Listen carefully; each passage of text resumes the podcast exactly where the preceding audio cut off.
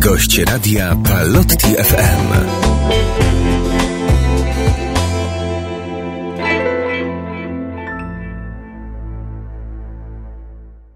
Dzień dobry i dobry wieczór w radiu Palotti FM. To jest gość radia Palotti FM, Kacper Mojsa z tej strony, a ze mną e, jako gość dzisiaj pan Karol Dziwior, hebraista, filolog, language learner, od lat zajmujący się literaturą biblijną oraz językiem hebrajskim w różnych jego odmianach i autor bloga Niebiblijny. Witam serdecznie panie Karolu. Dobry wieczór panie Kacprze, Do, dobry wieczór wszystkim słuchaczom i słuchaczkom radia.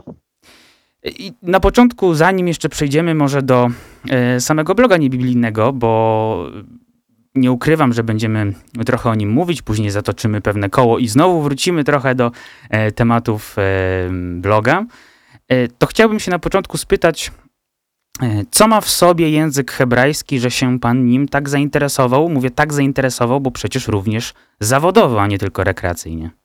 To prawda. To e, idealne pytanie dla zajawkowicza językowego, jakim jestem. Mhm. Um, powiedziałbym w ten sposób. Um, hebrajski to jeden z trzech języków oryginalnych Biblii, oczywiście obok greki, w której spisany został Nowy Testament, oraz języka aramejskiego, w którym powstały pewne fragmenty Starego Testamentu. Więc nominalnie rzecz ujmując, e, większość Biblii spisana jest właśnie w języku hebrajskim, a dokładniej rzecz ujmując starohebrajskim. Samo to sprawia, że język ten może być e, wart e, szczególnej uwagi, zainteresowania. I dokładnie tak było w moim przypadku. Gdzieś tam na samym początku, jeszcze w okresie gimnazjalno-licealnym, kiedy miałem pierwsze, pierwsze podejście do tego języka i do jego nauki. Myślę, że język hebrajski to naprawdę genialna mieszanka elementów, które powodują, że uczenie się go jest e, fascynującą drogą, bo jest to jednocześnie egzotyczny, a przez to intrygujący i, i trochę tajemniczy język. To jakby z jednej strony. Z drugiej jest głęboko zakorzeniony w naszej kulturze i w naszym kodzie kulturowym, i to wcale nie tylko za sprawą Biblii hebrajskiej, czyli Starego Testamentu, Oznacza to, że im głębiej wchodzimy w ten język, im bardziej się w niego wgryzamy, tym więcej połączeń i intertekstualności takich wewnątrzkulturowych jesteśmy w stanie zidentyfikować i zrozumieć. Hebrajski jest też e, takim, powiedziałbym, bardzo strukturalnym i syntetycznym językiem, e, zwłaszcza ten starożytny wariant, co oznacza, że dla osób, które E, lubią odnajdywać różne wzory, schematy, dopatrywać się e, takich właśnie schematycznych zależności. Nauka może być e, naprawdę taka satysfakcjonująca, może być taką fajną gratką. I nie zapominajmy też, że hebrajski to prawie 3000 lat historii, więc samo to sprawia, że to, to fenomenalne dziedzictwo. E, niewiele języków świata może poszczycić się tak długą historią, a pamiętajmy, że hebrajski jakby na arenie dziejów miał dość pod górkę. Mhm. E, I jeszcze gdzieś na koniec bym dodał, że e, z racji kręgu kulturowego, po którym my się poruszamy, że sam Nowy Testament, a za jego sprawą też przecież chrześcijaństwo, pełne są właśnie takich hebrajskich, semickich elementów, czy to językowych, czy takich myślowych, światopoglądowych, to są takie nierozerwalne rzeczy. Mhm. Na jakim etapie tej przygody z hebrajskim, tak to y, nazwę, padł Pan na pomysł, aby tą swoją pasją się podzielić z innymi? Mówię tu oczywiście, już nawiązuję do bloga. Mhm. Myślę, że to wydarzyło się jakoś organicznie i to powiedzmy, że rosło z czasem. Y, Niebiblijny nie rozpoczął się od momentu, kiedy faktycznie wystartowałem z tym pisanym blogiem. On się rozpoczął y, już y, myślę, że spokojnie parę lat wcześniej, kiedy z racji jakby swojej pasji i, i takiego też poczucia że zależało mi na tym, żeby dzielić się tą wiedzą, którą sam miałem przywilej zdobyć, żeby mm, e, na początku w, w internecie, w mediach społecznościowych e, udzielać się na zasadzie takich koleżeńskich, przyjacielskich konsultacji, czasem jakichś pojedynczych wpisów. To z biegiem czasu rosło, to zainteresowanie też rosło. Zacząłem dostawać takie sygnały, że fajnie by było, gdyby y, to, co robię w taki doraźny sposób, y, taki koleżeński, czy gdzieś tam właśnie w mediach społecznościowych, gdyby to y, nabrało takiego bardziej, nie wiem, skrystalizowanego charakteru. I tak gdzieś właśnie tak w taki organiczny sposób doszedłem do pomysłu wystartowania z już tym faktycznym blogiem niebiblijne. E, myślę, że wciąż mamy niedobór takich fajnych, solidnych, popularno-naukowych inicjatyw, które przybliżają polskiemu odbiorcy różne aspekty Biblii hebrajskiej, jej języka, jej tła, E, niebiblijne jest pomyślane jako, jako odpowiedź na tę potrzebę. Mhm. To też widać o tym, o czym Pan mówił teraz, że na początku była to taka, mm, no, czy koleżeńska, czy czasami doraźna pomoc w zrozumieniu niektórych aspektów, bo też e, widzę i zastanawiam się nad tym e, w kontekście też długości wpisów na blogu, bo rzeczywiście widać tę ewolucję, czy ten rozwój, bo te wpisy są coraz szersze, obejmują coraz więcej tematów i przez to oczywiście są bardziej skomplikowane. Więc to, to rzeczywiście też widać po tym samym blogu. E, zastanawiam się jeszcze skąd e, ta nazwa. Bo o ile mhm. drugą część nazwy, ta druga część nazwy jest dosyć oczywista, to jestem ciekaw genezy przedrostka nie, przed niebiblijnym. Mhm. Okej. Okay. E, spodziewałem się, że to pytanie się pojawi. Możliwe, że często, często dostaje pan takie pytania. Dokładnie z tego powodu, ale powiedzmy tak, e, to była dość zamierzona rzecz, albo e, w jakimś momencie zdałem sobie sprawę, że to może być zamierzona rzecz, jeśli chodzi o samą nazwę, żeby ona mm, wzbudzała taki rodzaj zainteresowania, zaciekawienia, dlaczego to w taki sposób brzmi. W pierwszej kolejności to były takie względy czysto pragmatyczne. Szukałem ciekawej, takiej łatwo wpadającej w ucho nazwy, która zawierałaby w sobie słowo Biblia albo jakąś jej pochodną. E, zależało mi na tym, żeby skojarzenie z Biblią było natychmiastowe i e, jasne dla jak największej liczby potencjalnych odbiorców. E, starałem się też unikać tytu tytułów, które jakoś to grono by zawężały, które byłyby zrozumiałe jedynie dla osób, które już w tej tematyce się poruszają. Niebiblijny pojawił się pewnego dnia i, i został ze mną, jakoś tak zakotwiczył się w moim myśleniu o, o, o tym e, przyszłym projekcie, powiedzmy. Natomiast dlaczego niebiblijny? Tutaj dla, dla słuchaczy warto zaznaczyć, że niebiblijny tam jeszcze pomiędzy jest, e, jest ukośnik, mhm.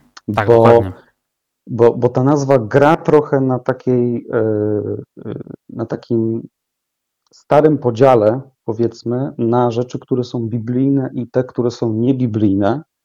E, I blog ma w jakiś sposób mm, zachęcać do tego, żeby czytelnicy, czytelniczki jakoś przesuwali swoją granicę tego, co do tej pory uważali za biblijne i tego, co uważali może za niebiblijne, bo często jest tak, że im głębiej wchodzimy w tę taką starożytniczą, hebraistyczną, biblistyczną e, sferę, tym te granice potrafią się przesuwać i coś, co do tej pory uważaliśmy za, no właśnie, biblijne albo niebiblijne, okazuje się, że jest gdzieś w troszkę innym miejscu.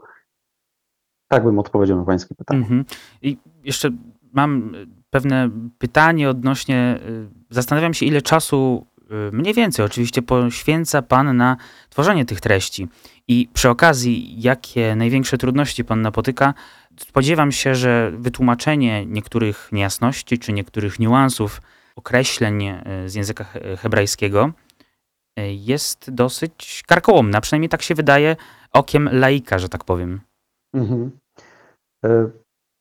Prawda jest taka, że, że te dwie sfery się ze sobą łączą. To znaczy, powiedziałbym właśnie, że tą największą bolączką, największą trudnością przy, przy y, prowadzeniu niebiblijnego jest właśnie brak czasu, e, bo na co dzień pracuję w biznesie w Izraelu i, i to jest moje źródło utrzymania.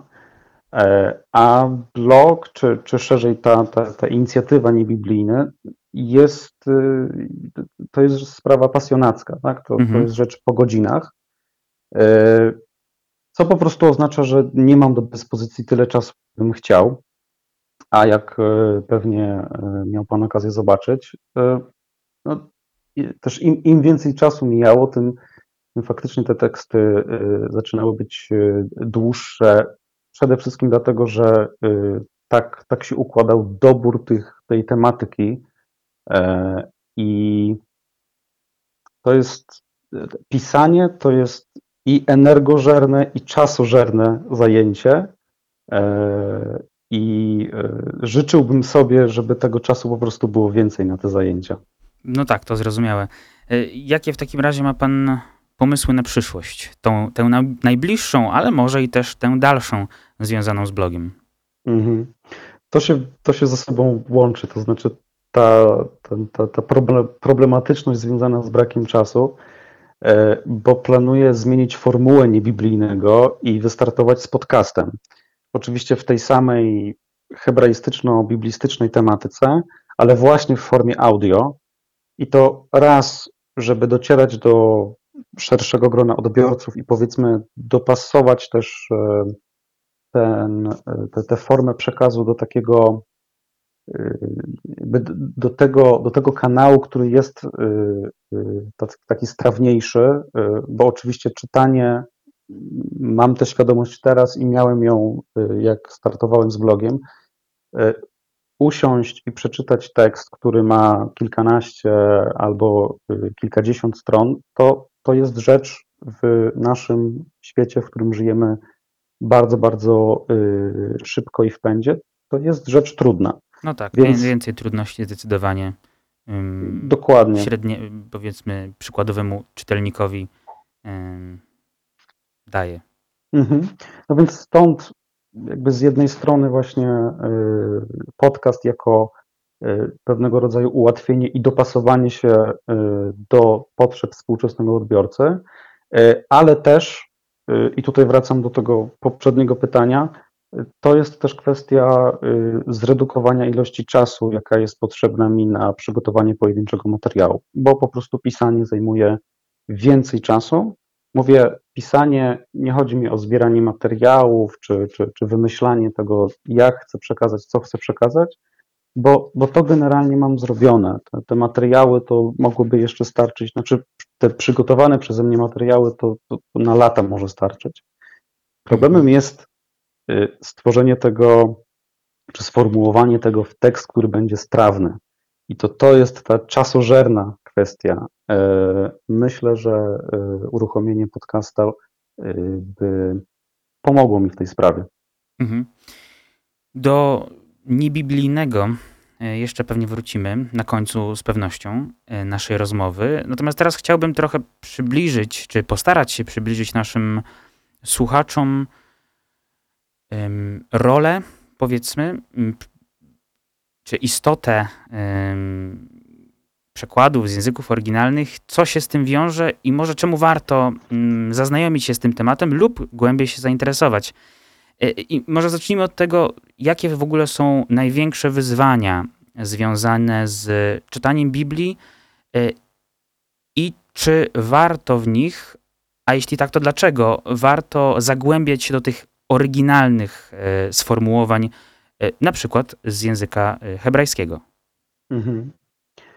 Um, to jest duży temat i, e, i, I, tak naprawdę moglibyśmy się tutaj e, zakopać na długie godziny, żeby wejść we wszystkie szczegóły, ale myślę, że e, można odpowiedzieć tak, tak treściwie na, na Pańskie pytanie w ten sposób. Dzieli nas od tekstów biblijnych, mm, zwłaszcza tych starotestamentowych, przepaść czasu języka, historii i kultur. Te teksty były pisane nie tylko przez różnych autorów w różnych czasach, w różnych realiach historycznych, kulturowych itd. Tak to oczywiście jest, jest hiperważne, ale równie ważne jest to, że my, to znaczy żyjący w XXI wieku, nie byliśmy docelowym odbiorcą tych tekstów. Nie byliśmy pomyśleni jako docelowy odbiorca. E, więc podstawowym wyzwaniem i, i trudnością związaną z wzięciem do ręki e, tej, tej biblioteki ksiąg i, e, i zagłębieniem się w nią jest e, próba stworzenia takiej sytuacji, gdzie jesteśmy w stanie w jak najlepszy sposób tak jakby zrekonstruować tę te starożytną, taką oryginalną sytuację, w której autor tworzył, a jego odbiorcy ci, ci, ci starożytni czytali, ale najczęściej słuchali. No właśnie tutaj ten kontekst naszych czasów, czy naszej kultury wydaje się być no, dosyć e, mm, dużym problemem, tak to nazwę, e, po prostu w, w czytaniu Biblii. Dlatego wydaje mi się, że różnego rodzaju komentarze, które odnoszą się do oryginalnych e, przykładów, czy oryginalnych treści, jakie są w Biblii, e, mogą być wartościowe, ale jakie, bo mówił Pan również o, o tym, że polskie przekłady starają się jak najbardziej odwzorować to, co e, powiem może zbyt prosto, ale co autor miał na myśli trochę, mhm. wyrażając się w ten, a nie inny sposób. Jakie są w takim razie dobre, czy powiem po prostu wystarczające może to złe słowo, polskie tłumaczenia Biblii? Mhm. Um, to pytanie bardzo często się przewija e, i myślę, że to, to jest zrozumiała rzecz. E, odbiorca, czytelnik, który mm, nie zna i być może też nie planuje uczyć się języków oryginalnych Biblii, chciałby wiedzieć, e, po, po jaki przekład, jakie tłumaczenie sięgnąć, żeby mieć pewność, że, że, że to jest solidny e, fundament, mhm. E, jeśli chodzi o zrozumienie tej treści. Myślę, że na dzień dzisiejszy takim solidnym wyborem właśnie jest korzystanie z zestawu Biblii Biblia Paulistów, to numer jeden, Biblia E i B, czyli Biblia Ewangelicznego Instytutu Biblijnego i tutaj mamy dwa jakby nurty przekładowe, przekład tak zwany literacki, przekład tak zwany dosłowny, więc oba te, te nurty, obie te wersje traktuję jako, jako jedną, Biblia A i B. Y, I do tego trzeci, trzeci element to przekłady wybranych ksiąg Starego Testamentu autorstwa doktora Marka Pieli, mm, hebraisty z Uniwersytetu Jagiellońskiego. I Podkreślam tutaj słowo zestaw, bo wymieniłem trzy, a właściwie cztery przekłady czy propozycje yy, przekładowe, bo myślę, że odpowiadając na, na to pytanie, najistotniejsze jest yy, podkreślenie, że, mm, że to korzystanie z kilku dobrych tłumaczeń jednocześnie, w przeciwieństwie do polegania na brzmieniu jednego tłumaczenia, jednej propozycji translatorskiej, że, że tutaj jest y, klucz do, do jakby, że to jest ta dobra ścieżka, bo przekład, nawet ten najbardziej chwalony, jest jedynie propozycją translatorską i w pewnym sensie jest wtórnym produktem. Mhm. W procesie tłumaczenia zawsze tracimy pewną warstwę oryginalnej treści i y, tutaj chciałbym, żeby to wybrzmiało to niekoniecznie dzieje się z winy tłumaczy.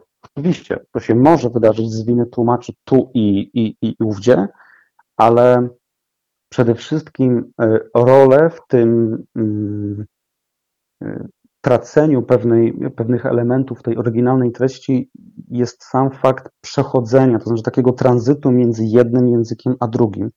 W tym przypadku mamy jeszcze o tyle trudniejszą sytuację, że mówimy o języku starożytnym, którym już nikt się nie posługuje i oczywiście tym języku docelowym, w naszym przypadku to będzie język polski. Czyli znowu spotykamy się z tą barierą czasu, kultury, języka. Jak najbardziej. To jest taki leitmotiv pracy z, z Biblią. Może dodałbym jeszcze, że te wspomniane przekłady są w takiej polskiej ścisłej czołówce najbardziej aktualnych językowo, merytorycznie i też tekstualnie tłumaczeń Biblii. Tekstualnie, czyli z jakich tekstów wyjściowych y, korzystały te, te, te przekłady. Mhm. Jakie w takim razie najczęstsze błędy są popełniane podczas czytania czy rozumienia e, pisma z perspektywy no właśnie, znowu powtórzę się, naszych czasów, kultury, tej współczesności, bym powiedział. Mhm. Pyta pan o. O to, czy jesteśmy w stanie wyzbyć się może. Są jakieś e, metody, oprócz oczywiście zgłębiania e, komentarzy czy odpowiednich przekładów, czy jesteśmy w stanie mm, przez pewien pryzmat spojrzeć na Biblię, tak aby uniknąć tych błędów interpretacyjnych, tych, o których Pan również e, pisze na blogu. Tu nie będziemy wchodzić w jakieś e, konkretne przykłady, bo tutaj będziemy zapewne odsyłać do, do bloga. Ale czy oprócz dobrego tłumaczenia można jeszcze coś zrobić od siebie? E, może coś warto, konkretne komentarze przeczytać, konkretne opracowania naukowe? Okej. Okay. To powie, powiedziałbym w ten sposób. Bardzo dużo, myślę, e, można zrobić e, jeszcze zanim sięgniemy do różnego rodzaju opracowań, komentarzy i analiz. Myślę, że naprawdę sporo można zrobić zupełnie samodzielnie, pozbywając się, czy starając się pozbyć takich własnych filtrów, jakichś takich pres, presupozycji, nie wiem, nazwijmy to okularów e, takich interpretacyjno-doktrynalnych, z jakimi przychodzimy do tekstu. Mhm. I rzadko jest tak, że, że to te rzeczy e, najbardziej mm, zaciemniają, jakoś tak zamazują obraz mm, tego, tego, tego, mm, tej intencji autora tekstu. Dlatego myślę, że próba pozbycia się tych, tych, tych takich filtrów i e, próba spojrzenia na dany fragment świeżym okiem e, może się okazać czasem istotniejsze niż zagłębianie się w tajniki języka oryginalnego, czy e, wzięcie do ręki jakiegoś komentarza. Oczywiście, że jakby drugim krokiem byłoby dokładnie to, czyli sięgnięcie po być może jeszcze kolejne inne przekłady, te kolejne inne przykłady mogą zawierać e, większe ilości takich dodatkowych informacji, przepisów, być może to będą fajne e, też e, językowe albo takie literaturoznawcze przepisy. Mamy do dyspozycji mnóstwo komentarzy, opracowań tematycznych.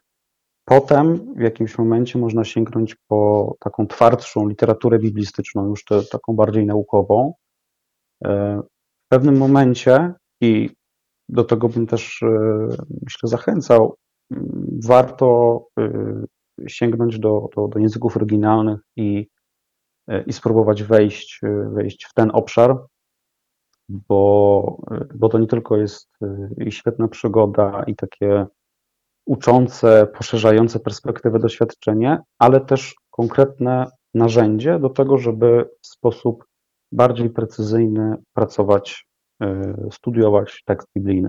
Muszę przyznać, że nawet krótka lektura, chociażby treści, które znajdują się na pańskim blogu, e, też tak otwiera trochę na inny wydźwięk, a czasami zupełnie inne znaczenie niektórych konkretnych słów. I tutaj nawet nie mówię o całych fragmentach, ale w, niektórych miejscach na blogu zajmuje się pan czasami jednym słowem, e, czy fragment tekstu jest a propos jednego słowa. To też pokazuje pewne bogactwo e, znaczeń i szkoda trochę, znowu wracamy do tych problemów z naturalnych i problemów, który nie da się pokonać z tłumaczeniem języka, tym bardziej starożytnego. Ale rzeczywiście to jest niesamowite, jak, jakim bogactwem może odznaczać się jedno słowo. Mhm. E, taka jest też formuła, którą przyjąłem na niebiblijnym, e, bo e, czasowo nie stać mnie na to, żeby tworzyć wielkie, takie opasłe opracowania, które będą dotykały wielkich połaci tekstu. Rzecz, która, którą się robi właśnie w taki pasjonacki sposób po godzinach i który ma szansę y, potencjalnym y, czytelnikom i czytelniczkom wyjaśnić jakieś względnie nieduże zagadnienie, właśnie chociażby na podstawie jednego pojedynczego słowa, e, ale jednocześnie e, pokazać dany fragment w, w inny sposób albo sprawić, że, że ta rzecz, e, jakby odczytanie tekstu będzie bardziej precyzyjne, myślę, że, że, to jest tego warte. Przy czym myślę, że to trzeba podkreślić, że, że to nie tylko pojedyncze słowa czy wyrażenia są e, ewentualnymi przeszkodami. Tak? Tych, e, tych trudności, różnic językowych, różnic kulturowych, historycznych jest, jest naprawdę sporo na różnych płaszczyznach, w różnych obszarach. Nie starczyłoby nam tutaj czasu, żeby je wszystkie wylistowywać, mm, bo to mogą być kwestie i takie czysto y, y, powiedzmy mm, społeczne, czyli na mhm. przykład charakterystyczną rzeczą w, w Biblii hebrajskiej jest wszechobecny patriarchat i paternalizm. Y, to mogą być kwestie miejsca religii i, i, praktyki religijnej w, w tamtych starożytnych czasach. Praktykowanie wierzeń było bardziej aktem wspólnotowym, powiedziałbym przynależnościowym i również politycznym, to jeszcze nie był ten etap religii indywidualnej, skupionej na osobistym przeżywaniu, na, na doskonaleniu duszy. E, religia była nierozrywalnie sprzężona z polityką, w przypadku starożytnego Izraela również z militaryzmem. E, te, te różnice mogą e, nawet e, sięgać takiego większego poziomu e, pojmowania świata, na przykład kosmografii, czyli sposobu opisywania, wyobrażania sobie kształtu czy, czy struktury świata. Jak starożytni Hebrajczycy wyobrażali sobie świat, my powiedzielibyśmy wszechświat, kosmos, ale kosmos nie w znaczeniu tej y, ogromnej przestrzeni kosmicznej, bo, bo to my dzisiaj w ten sposób rozumiemy te, to, to zagadnienie, kosmosu rozumianego jako uporządkowany wszechświat. E, sposób pojmowania y, tych kwestii przez starożytnych Hebrajczyków, on jest daleki od tego naszego współczesnego zrozumienia e, kształtu wszechświata autorzy biblijni e, wierzyli w raczej płaską ziemię, e, ziemię, która jest centrum świata i w zasadzie jest całym światem. Mhm. Mm, nie ma tutaj miejsca na tę przepasną otchłań kosmiczną, poprzetykaną galaktykami, mgławicami i tak dalej. Hebrajczycy wierzyli też, że e, nad ziemią unosi się sklepienie w języku starohebrajskim rakia, które mm, pełniło funkcję takiej kosmicznej tamy, która ochrania suchy ląd na dole od zalania przez wody, które są zgromadzone u góry, to znaczy ponad tym sklepieniem. E, słońce, księżyc, gwiazdy zlokalizowane są w sklepieniu albo na sklepieniu. Tutaj e, język nie jest e, idealnie precyzyjny, ale z tego wszystkiego maluje nam się inny obraz y, świata, to znaczy ten taki fizyczny obraz świata. Y, to jest oczywiście jeden z przykładów tej, tego innego spojrzenia na, na te, tych różnic kulturowych, historycznych i, i światopoglądowych. Y, one wszystkie, jeśli je sobie wylistujemy i, i, i tak zbierzemy razem, one się składają na inne czasy, na inne pojmowanie y, i tych dużych rzeczy życiowych, i małych rzeczy życiowych. To wszystko ma kolosalne znaczenie dla y, odbioru tekstu, bo autorzy biblijni mm, tworzyli w innym kontekście kulturowo-historycznym niż, y, niż my te teksty czytamy. Mhm.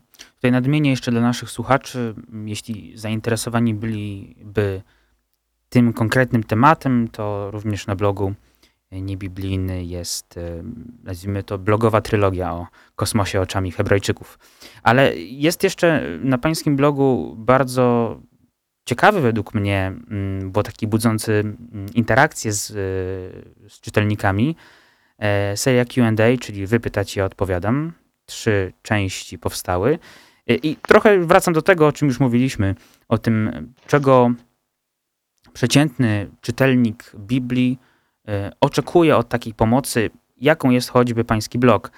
Mm, czy na podstawie tych e, pytań czytelników widzi pan pewną tendencję, e, co najbardziej ludzi interesuje? Oj, powiedziałbym, że, e, że to, są naprawdę róż, że to są różne rzeczy, tak i yy, odpowiadam w ten sposób nie dlatego, że chcę u, uniknąć odpowiedzi. E, to są naprawdę różne rzeczy, yy, bo i to jest taka rzecz, z której bardzo się cieszę jako twórca tego bloga, że wokół niebiblijnego zgromadziła się społeczność czytelników i czytelniczek, którzy Y, mają naprawdę różne backgroundy. Y, to są zarówno wierzący, jak i niewierzący ludzie, wierzący różnych denominacji, różnych nurtów. Y, to jest takie, takie patchworkowe grono ludzi, którzy każdy może przyjść z, z pytaniami, które wynikają z innego miejsca. I to mogą być pytania Y, albo o na przykład nierzadko dostaję pytania o kwestie y, nowotestamentowe albo o kwestie związane z y, wczesnym chrześcijaństwem. Co do zasady nie odpowiadam na te pytania. Oczywiście nikogo nie, nie ignoruję i wysyłam e-mail, odpowiadam, dlaczego nie mogę odpowiedzieć, bo, bo to nie jest mój obszar specjalizacji, dlatego nie będę jakby e, zabierał głosu takiego tłumaczącego coś. Są e, pytania o, o takie duże sprawy, chociażby jak właśnie o, e, o tę te, te kosmografię starohebrajską, o, o tę wizję świata. Są pytania o mm, na przykład z tego też powodu powstała ta, ta też duża seria o y, tetragram, czyli o to czteroliterowe imię Boga Izraela, JHWH. To mogą być takie pytania, ale są też pytania od y, ludzi, którzy, mm, którzy mają takie filologiczne zacięcie, e, albo którzy y, sami są hebraistami, biblistami, więc siłą rzeczy te pytania będą się różnić. Jakby też potrzeby y, czytelników i, i followersów niebiblijnego, one się po prostu różnią. Nie jestem pewien, czy, czy to odpowiada na pytanie. Myślę, że jak najbardziej. To przede wszystkim y, też pokazuje pewien sposób, jakby to powiedzieć, myślenia o, o tym, może inaczej, pokazuje pewien sposób, e, w jaki ludzie są, przynajmniej ja, zafascynowani tym, ile e, znaczeń, ile, ile rzeczy można się dowiedzieć z nawet krótkich e, opisów biblijnych. I tak, żebyśmy sobie spróbowali to podsumować, jakie takie najistotniejsze wskazówki widziałby Pan, mm, czy wskazywałby Pan dla naszych słuchaczy, aby czytać pismo i jak najwięcej z tego wynosić? Właściwie już e, poniekąd odpowiedziałem na to pytanie, e, bo wspominałem o tych, e, o takim podejmowaniu wysiłku, żeby spoglądać na tekst możliwie jak najbardziej świeżym okiem i, i, i podejmować próbę wyzbycia się takich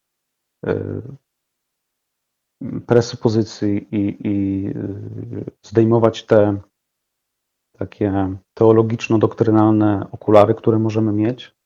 Wspominałem o tym, że Kolejnym krokiem mm, może być, a być może i powinno być sięgnięcie po, y, po literaturę ludzi, którzy się w tym, mm, tym obszarem specjalizują. I oczywiście tej, tej literatury y, jest, jest całe mnóstwo. W języku polskim może nie aż tak bardzo, ale to też się zmienia i, i świetnie, że tak się dzieje. E, znów y, szczerze i całym serduchem zachęcałbym do, do, do uczenia się języków e, starożytnych, czy języków w ogóle, bo, bo to jest e, wspaniała rzecz i, i taka e, rozszerzająca perspektywę. Taka ważna rzecz, którą chciałbym, żeby, żeby wybrzmiała, bo już tak potocznie rzecz mówiąc, siedzę w, w polskim internecie i, i, w polskich mediach społecznościowych już ładne parę lat. Troszkę już e, różnych zjawisk sobie poobserwowałem, uczestniczyłem też w nich. E, widzę czasem taką, taką mniej przyjemną tendencję niektórych jakby współtwórców internetowych, ale też po prostu użytkowników mediów społecznościowych, osób, które gdzieś tam się udzielają, uczestniczą w grupach, w dyskusjach, tworzy się czasem taką, takie niepotrzebne wrażenie, jakby tylko ci, którzy czytają w języku oryginalnym lub też w językach oryginalnych dany tekst, starożytny tekst, y, mieli dostęp do takiego jedynego słusznego depozytu wiedzy tworzy się taki coś w rodzaju takiego elitaryzmu, który, z którym bardzo mi nie jest po drodze i mówię to Czyli my to, tego... my to mamy, ale wy tego nie macie, bo niestety nie możecie czytać w oryginale, tak w skrócie. Tak, tak, dokładnie coś takiego. Ja to teraz też, y... y przepraszam, że przerwę na chwilkę, ale mhm. to od razu mi się, mm, od razu mi przychodzi do głowy mm, również fakt, że Pismo Święte nie czytają jedynie osoby wierzące. I to też trochę jest, e, wydaje mi się, takie myślenie, e, iż okej, okay, jeśli rozmawiamy, rozmawiamy o Biblii, rozmawiamy o jej wydźwięku, rozmawiamy o jej znaczeniach, to no raczej mandat do tego mają osoby wierzące. A myślę, że nic bardziej mylnego czasami. Pełni się z Panem zgadzam. I tak samo to, o czym Pan mówi. No to jest tak. E, jak najbardziej znajomość y, w moim przypadku, czy w przypadku Biblii hebrajskiej, Starego Testamentu, znajomość języka starohebrajskiego jak najbardziej pozytywnie wpływa na precyzyjniejsze rozumienie tekstu. To jakby jest sprawa naprawdę y, jasna i klarowna. W konsekwencji wpływa to też na y, dokładniejszą egzegezę tekstu. Dlaczego? Bo Czytanie tekstu biblijnego w oryginale skraca dystans między tym starożytnym autorem a współczesnym odbiorcą. Tak jakby usuwamy z równania pewnego rodzaju bufor, y, ten bufor przekładu na inny język, y, który czasem, czasem rzadziej, czasem częściej może nas pozbawiać tej, tej jakiejś cząstki oryginalnej treści. Ale właśnie, czytanie w oryginale y, absolutnie nie rozwiązuje wszystkich problemów, przed jakimi staje czytelnik lub czytelniczka Biblii. To nie jest tak, że ci, którzy czytają w oryginale, y, uchwycą wszystko, co trzeba, a ci, którzy czytają w przekładzie, nie uchwycą nic. To, to absolutnie nie, tak, tak nie działa. Wciąż trzeba poradzić sobie z y, tą kulturową, historyczną, światopoglądową przepaścią. Nie mówiąc o pracy czysto egzegetycznej, pracy nad tekstem, kto mówi, do kogo mówi, do czego nawiązuje, na ilu poziomach możemy odczytywać ten dany fragment, jakie intertekstualności w nim widzimy, jakie odniesienia do innych fragmentów biblijnych, do innych ksiąg, albo nawet do innych literatur, to znaczy literatur y, tych innych ludów ościennych, a to już tak zupełnie na marginesie, to jest yy, hiperważna rzecz w związku z tą starohebrajską literaturą, bo autorzy starotestamentowi uwielbiali uczestniczyć w dyskusji takiej międzykulturowej, takim dialogu, polemice z literaturami, z mitologiami innych y, ludów, tych, tych ościennych, tych silniejszych, tych większych, tych, które miały dłuższą i większą historię. Więc sam fakt, że ktoś w tym języku oryginalnym czyta, e, nie rozwiązuje wszystkich problemów świata i, i lektury. E, I jednocześnie myślę, że nie powinno być e, używane do tego, żeby kogoś innego bić po głowie albo wykluczać go z grona tych, którzy rozumieją i tych, którzy potrafią. Mhm. Ci, którzy czytają w oryginale, ci, którzy y, są biblistami, hebraistami, grecystami, historykami, to jest y, odpowiedzialność. I y, między innymi z tego powodu powstał niebiblijny. To znaczy, myślę, że, że fajnie jest, kiedy to poczucie tego, że miałem przywilej zdobyć pewną wiedzę, która dla innych może być ważna, że to jest e, jakby ten element podzielenia się tym jest, jest ważny, takiego zaproszenia do, do współudziału w, w, w studium tekstu, w, w interpretacji tekstu, a nie do tego, żeby e, tworzyć, pogłębiać jakieś internetowe wojenki, mhm. bo, bo myślę, że tych, tych konfliktów między sobą e, w społeczeństwie mamy, mamy już wystarczająco dużo. To prawda. I myślę, że też ta informacja, czy ten przekaz, o którym Pan teraz mówi, jest takim również pocieszeniem dla wszystkich, którzy mieliby jakiekolwiek kompleksy z tym związane. Myślę, że e, bardzo, bardzo wartościowe. No tutaj myślę, że najważniejsze rzeczy podsumowaliśmy sobie. E, a propos tego, o czym mówiliśmy, no poruszyliśmy zresztą wiele, ale to wiele wątków E, i często ze względów na ograniczenie nasze czasowe związane z audycją Gość Radia jedynie ruszyliśmy ten temat, e, ale tutaj zawsze mm, odsyłam do pańskiego bloga, może niedługo, tak jak pan powiedział, podcastu. E, I nie tylko, do tych wszystkich pozycji, których, o których pan mówił i które pan wymieniał. Bardzo, ale to bardzo panu dziękuję za, za dzisiejszą rozmowę. Y, z mojej osobistej perspektywy była niezwykle ciekawa i, i ten temat w ogóle jest niezwykle ciekawy, dlatego cieszę się, że udało nam się porozmawiać. E, zachęcamy oczywiście wszystkich naszych słuchaczy do odwiedzenia, do czytania, do śledzenia niebiblijnego bloga nie ukośnik biblijny, e, niebiblijny.pl, Facebook nie ukośnik biblijny i do wspierania e, również na Patronajcie niebiblijnego. Również od razu e, życzę panu powodzenia z podcastem, aby się on udał i aby również powodzenie nie opuszczała pana w prowadzeniu jego. E, natomiast jeśli chodzi e, w tak w gwoli samego zakończenia, z takich rzeczy naszych radiowych, przypomnę tylko, że można nas słuchać w aplikacji mobilnej, zarówno wszystkich e, audycji e, czy anteny na żywo, ale również wszystkich audycji, całej biblioteki mm, audycji, wszystkich naszych artykułów oraz palotyńskich komentarzy, które codziennie powstają właśnie dla Państwa oraz, tak jak już powiedziałem o Patronajcie dla niebiblijnego, również jest Patronite dla, dla Palotti FM. Zachęcamy również do mm, zostawania naszymi patronami. E, no i co? I myślę, że możemy się żegnać, kończyć. Dziękuję jeszcze raz bardzo, panie Karolu, za czas. To ja dziękuję. I za tę ciekawą, bardzo ciekawą rozmowę. Mam nadzieję, że dla was, drodzy państwo, również była e, wartościowa. I tak jak mówię, odsyłam na niebiblijnego. Dziękuję bardzo. Dziękuję bardzo.